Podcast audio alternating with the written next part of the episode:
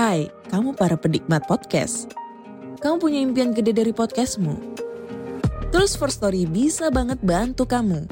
Mulai dari F-Link, Dynamic Audio Insertion, sampai statistik yang komprehensif. Semua ada di First Story. Gak ketinggalan kamu bisa monetisasi podcastmu lewat iklan dari First Story Ads yang bisa kasih kamu penghasilan dari setiap place podcastmu. Yuk gabung sekarang dengan klik di firststory.me. Sekali lagi, klik di firststory.me. Mari kita bawa mimpi podcastingmu menjadi kenyataan. Hello? Hello? Podcast Network Asia. Lisir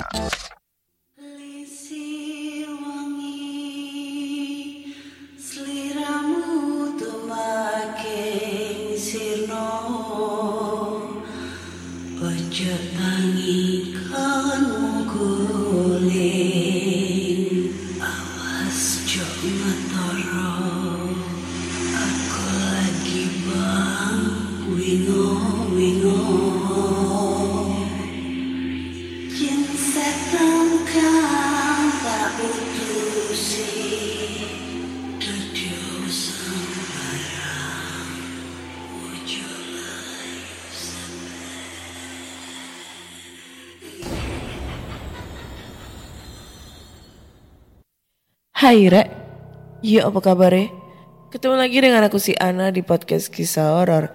Kita bertemu di episode sekian dan di episode kali ini aku membacakan cerita horor ataupun email berhantu yang sudah dikirimkan teman-teman melalui podcast kisah horor at gmail.com atau di Instagram podcast kisah horor serta Google Form yang linknya tersedia di bio Instagram podcast kisah horor. Aduh, sakit bro perut aku.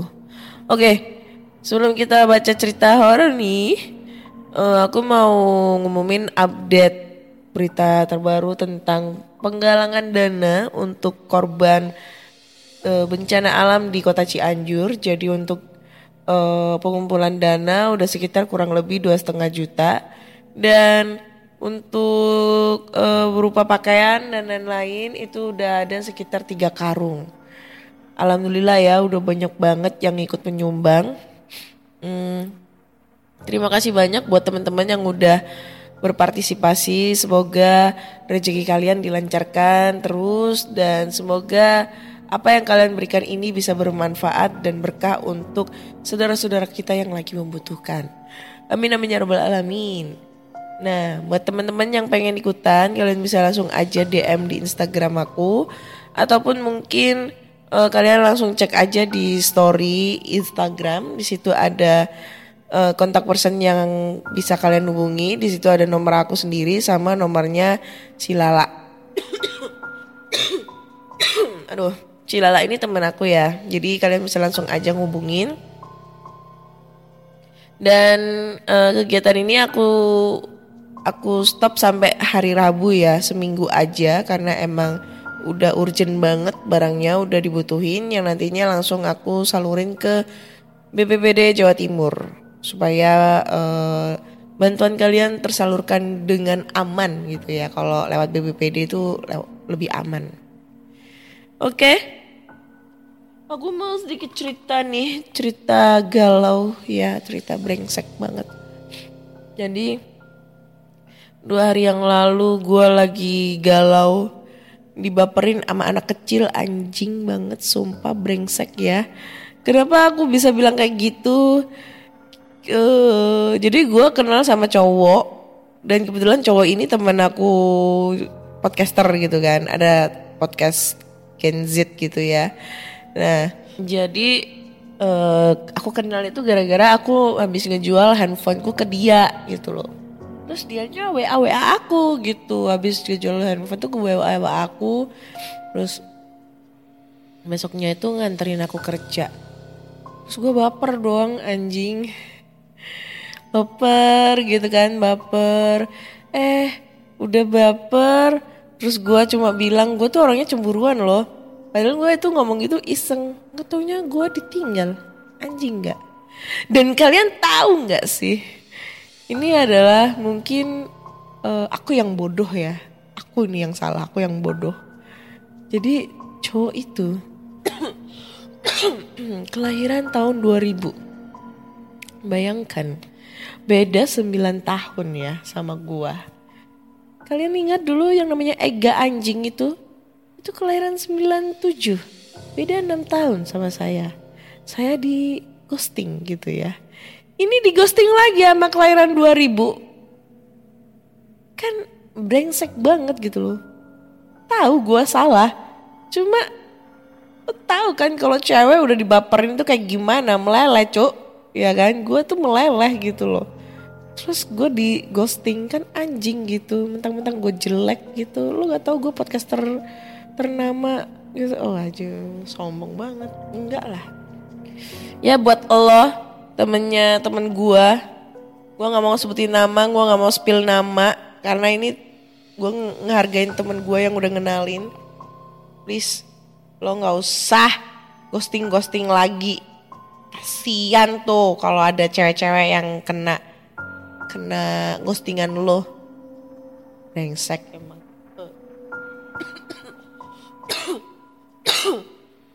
Ada kumat batuk lagi kan ya itulah cerita gua oke langsung aja kita bacakan cerita horor nih dan cerita pertama ini datang dari email ini dari Alma. Judulnya adalah Terminal Air Sebakul.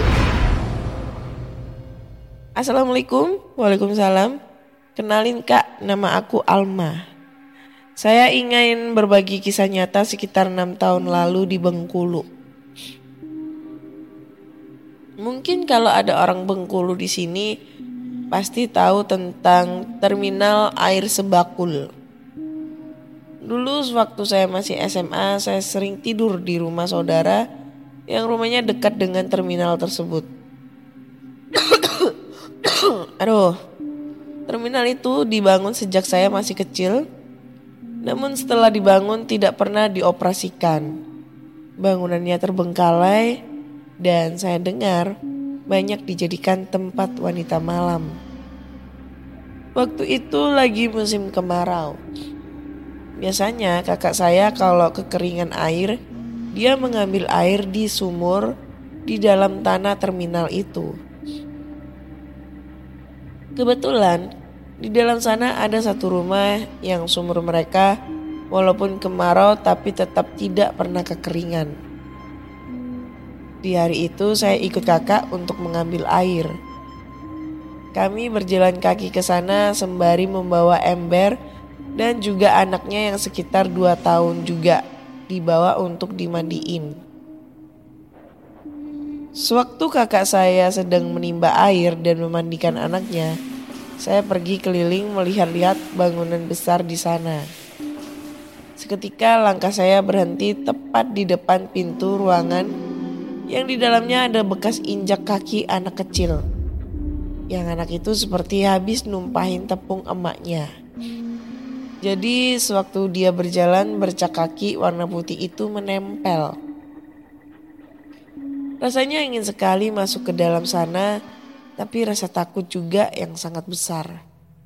Namun rasa penasaran juga tak kalah dengan rasa takut tersebut. Akhirnya saya langkahkan satu kaki menuju depan pintu dan hanya menongolkan kepala. Tiba-tiba ada suara orang sangat ramai di atas. Mereka seperti sedang bersenda gurau. Rasa penasaran itu makin tinggi dan akhirnya dua kaki saya telah masuk semua di dalam ruangan itu. Namun alangkah terkejutnya saya tiba-tiba ada suara pelapon jatuh padahal pelaponnya masih sangat utuh. Dan di sudut ruangan tiba-tiba ada pohon akasia yang sangat besar.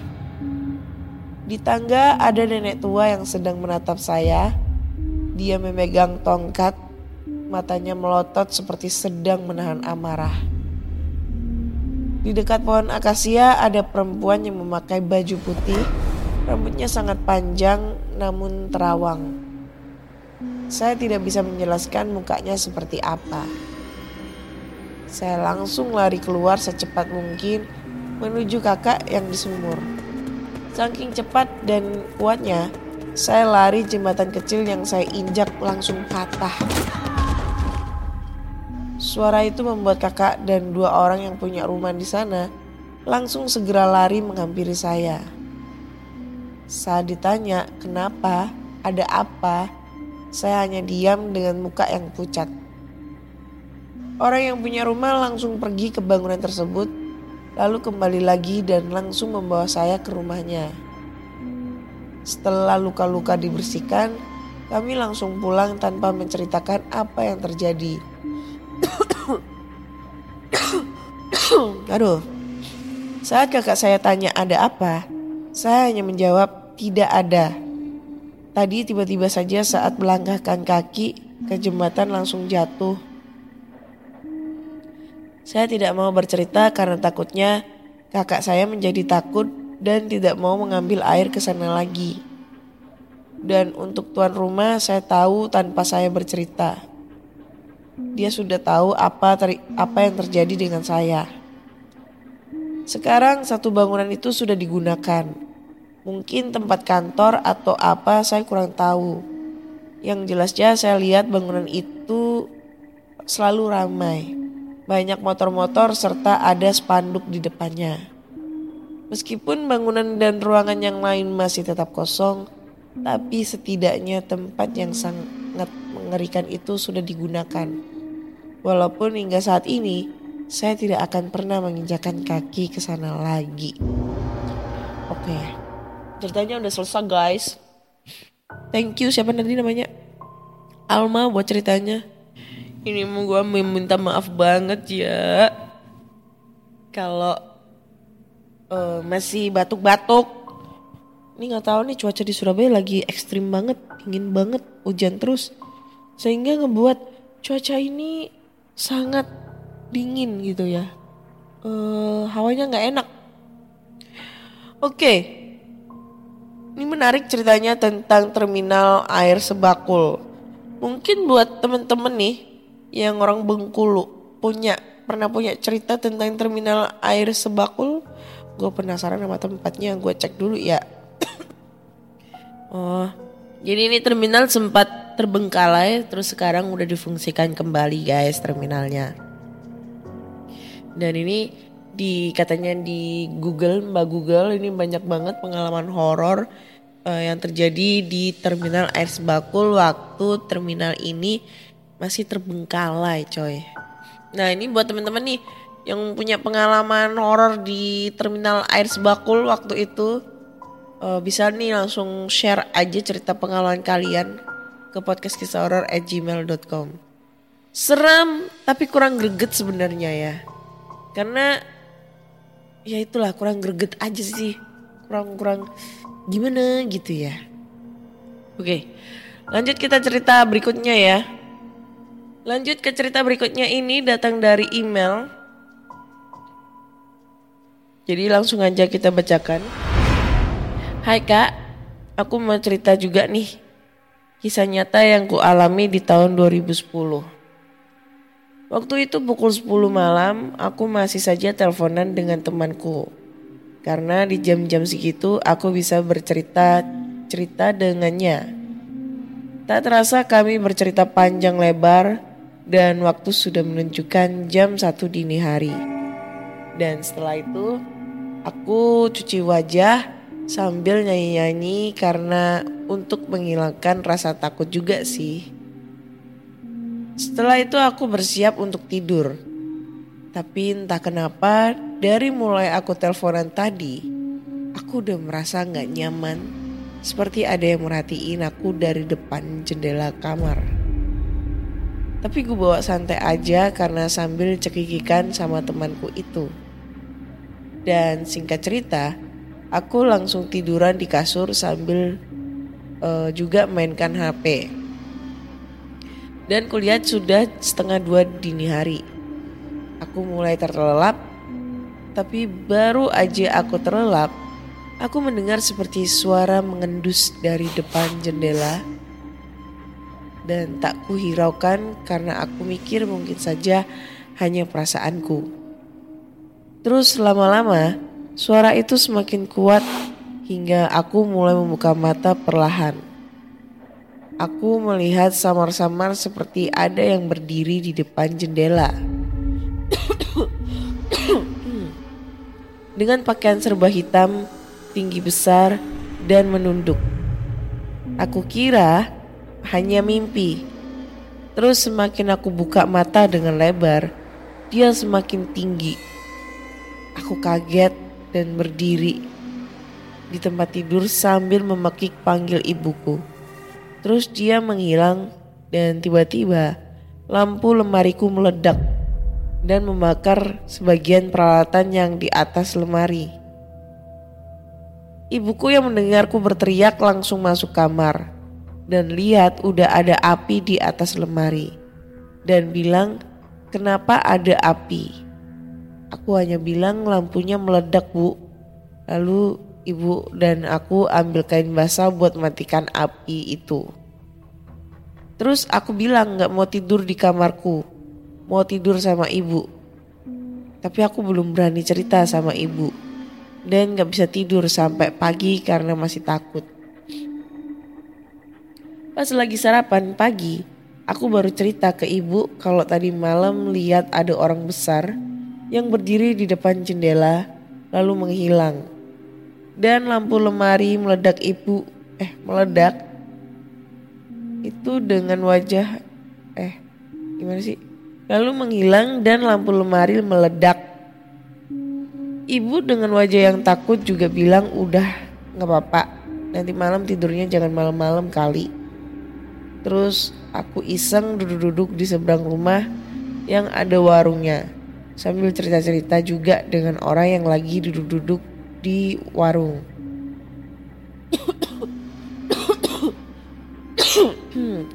Tentang kejadian tadi malam terus mereka bilang sebelum orang tuaku beli rumah itu rumahnya memang angker karena ada yang pernah meninggal di situ dalam keadaan hamil. Terus ada juga yang bilang rumah itu sering banyak penampakan. Beberapa bulan kemudian aku pas lagi duduk-duduk depan teras rumah sambil nunggu waktu azan maghrib. Iseng-iseng buat video ke arah depan rumah. Oh iya, depan rumahku itu ada warung dan sampingnya kantor lurah. Plus tempat sekolah TK. Sambil buat video, aku nggak sengaja lihat ke arah kantor lurah. Aku lihat ada ken ada anak kecil berlari, tapi dia nembus pagar dan kemudian hilang di bawah pohon. Besoknya aku cerita juga sama warga sekitar. Katanya kantor lurah itu dulu banyak kuburan. Dan setelah beberapa bulan, aku dan ibu pindah ke rumah orang tuaku yang satu lagi. Dan sekarang rumah itu jadi kakak aku yang nempati.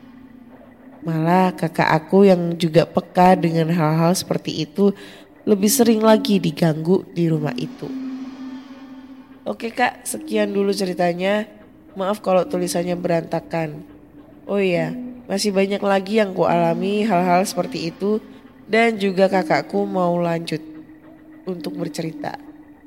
Ditunggu untuk lanjutannya kak, terima kasih sudah dibacakan. Oke, thank you banget buat ceritanya.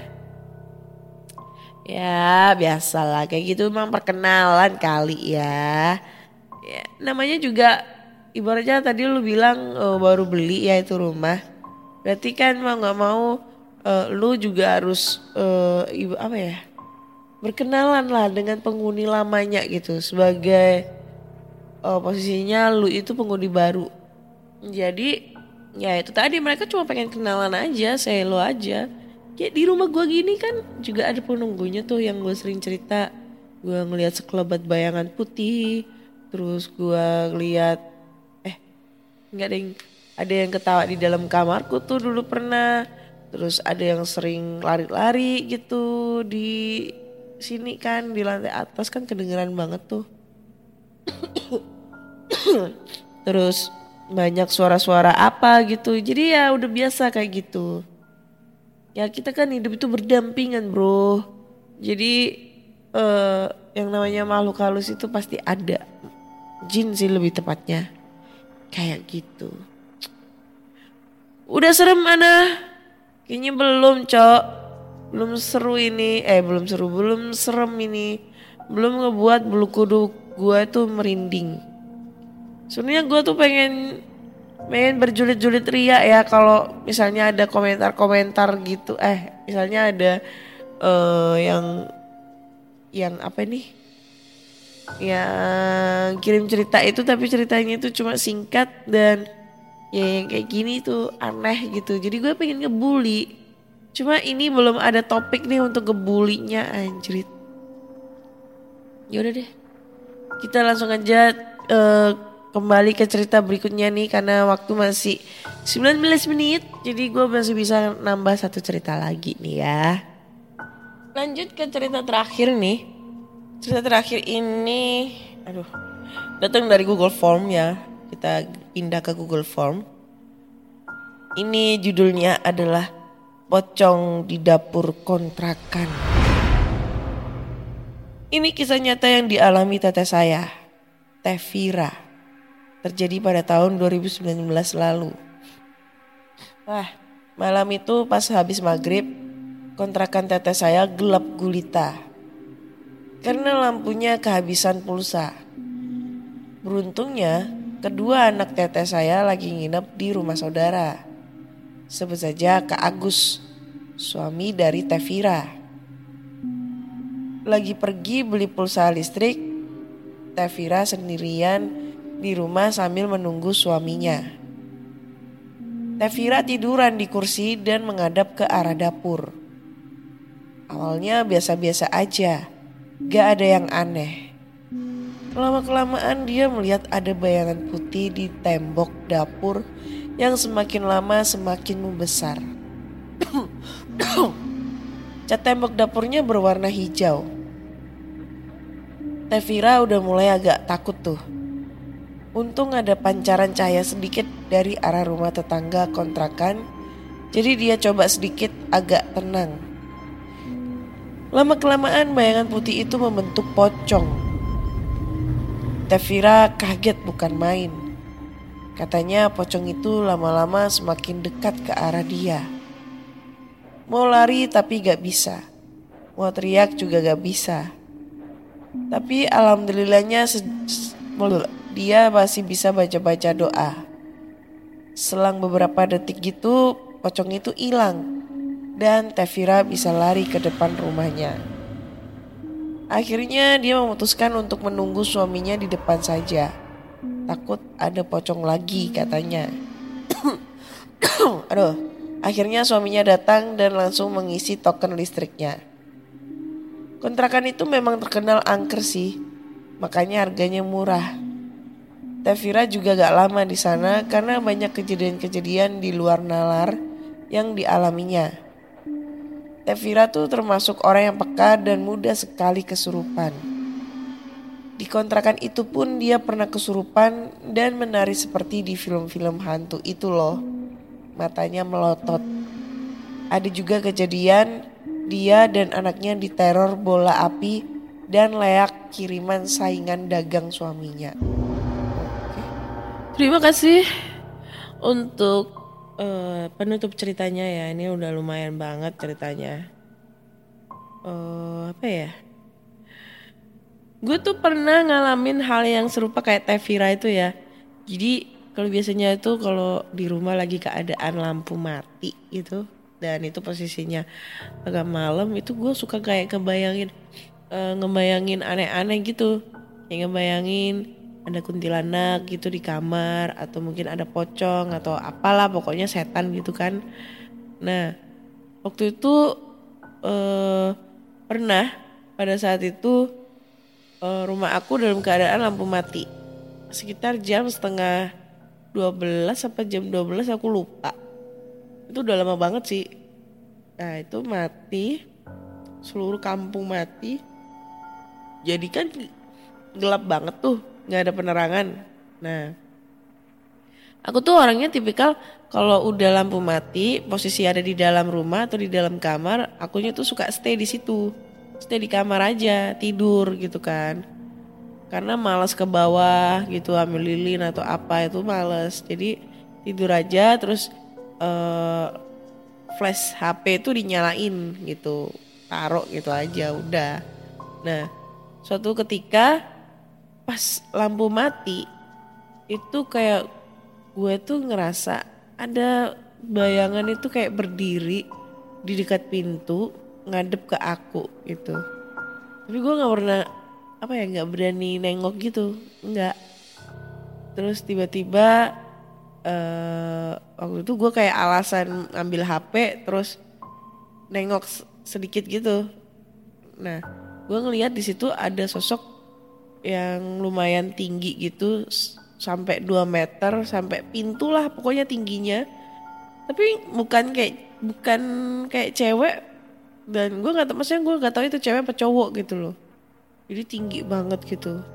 Nah itu langsung gue posisinya langsung gue eh, apa ya maling muka terus gue pura-pura tidur gitu. Sampai akhirnya ketiduran nah waktu ketiduran itu gue juga sering ngedengar eh, ada suara samar-samar kayak orang jalan terus abis itu eh, kayak ada suara apa ya kayak botol diten ketendang gitu kan. Nah gue mikirnya kan kalau botol ketendang oh mungkin tikus gitu. Soalnya kan biasanya gue suka naruh botol berserakan di depan gitu kan, botol minuman gitu. Nah itu gue mikirnya kayak gitu. Tapi yang orang jalan ini yang agak rancu nih buat pikiran gue tuh kayak ngawang gitu kayak apa ya kayak kayak ah, serem banget gitu lah pokoknya intinya. Ya gitu-gitu.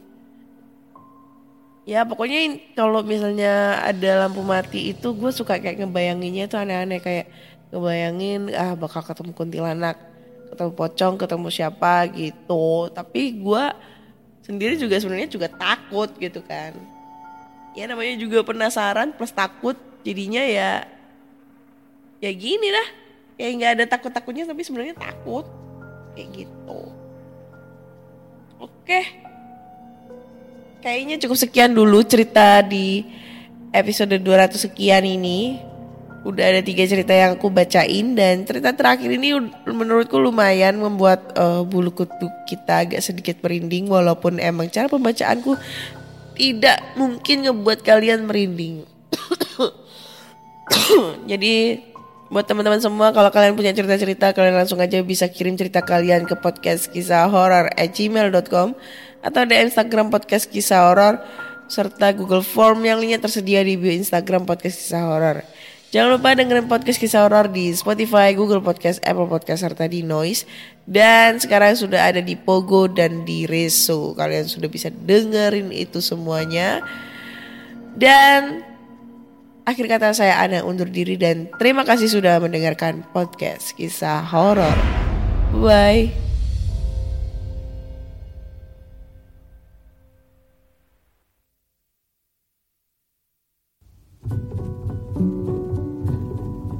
Pandangan dan opini yang disampaikan oleh kreator podcast, host, dan tamu tidak mencerminkan kebijakan resmi dan bagian dari podcast Network Asia.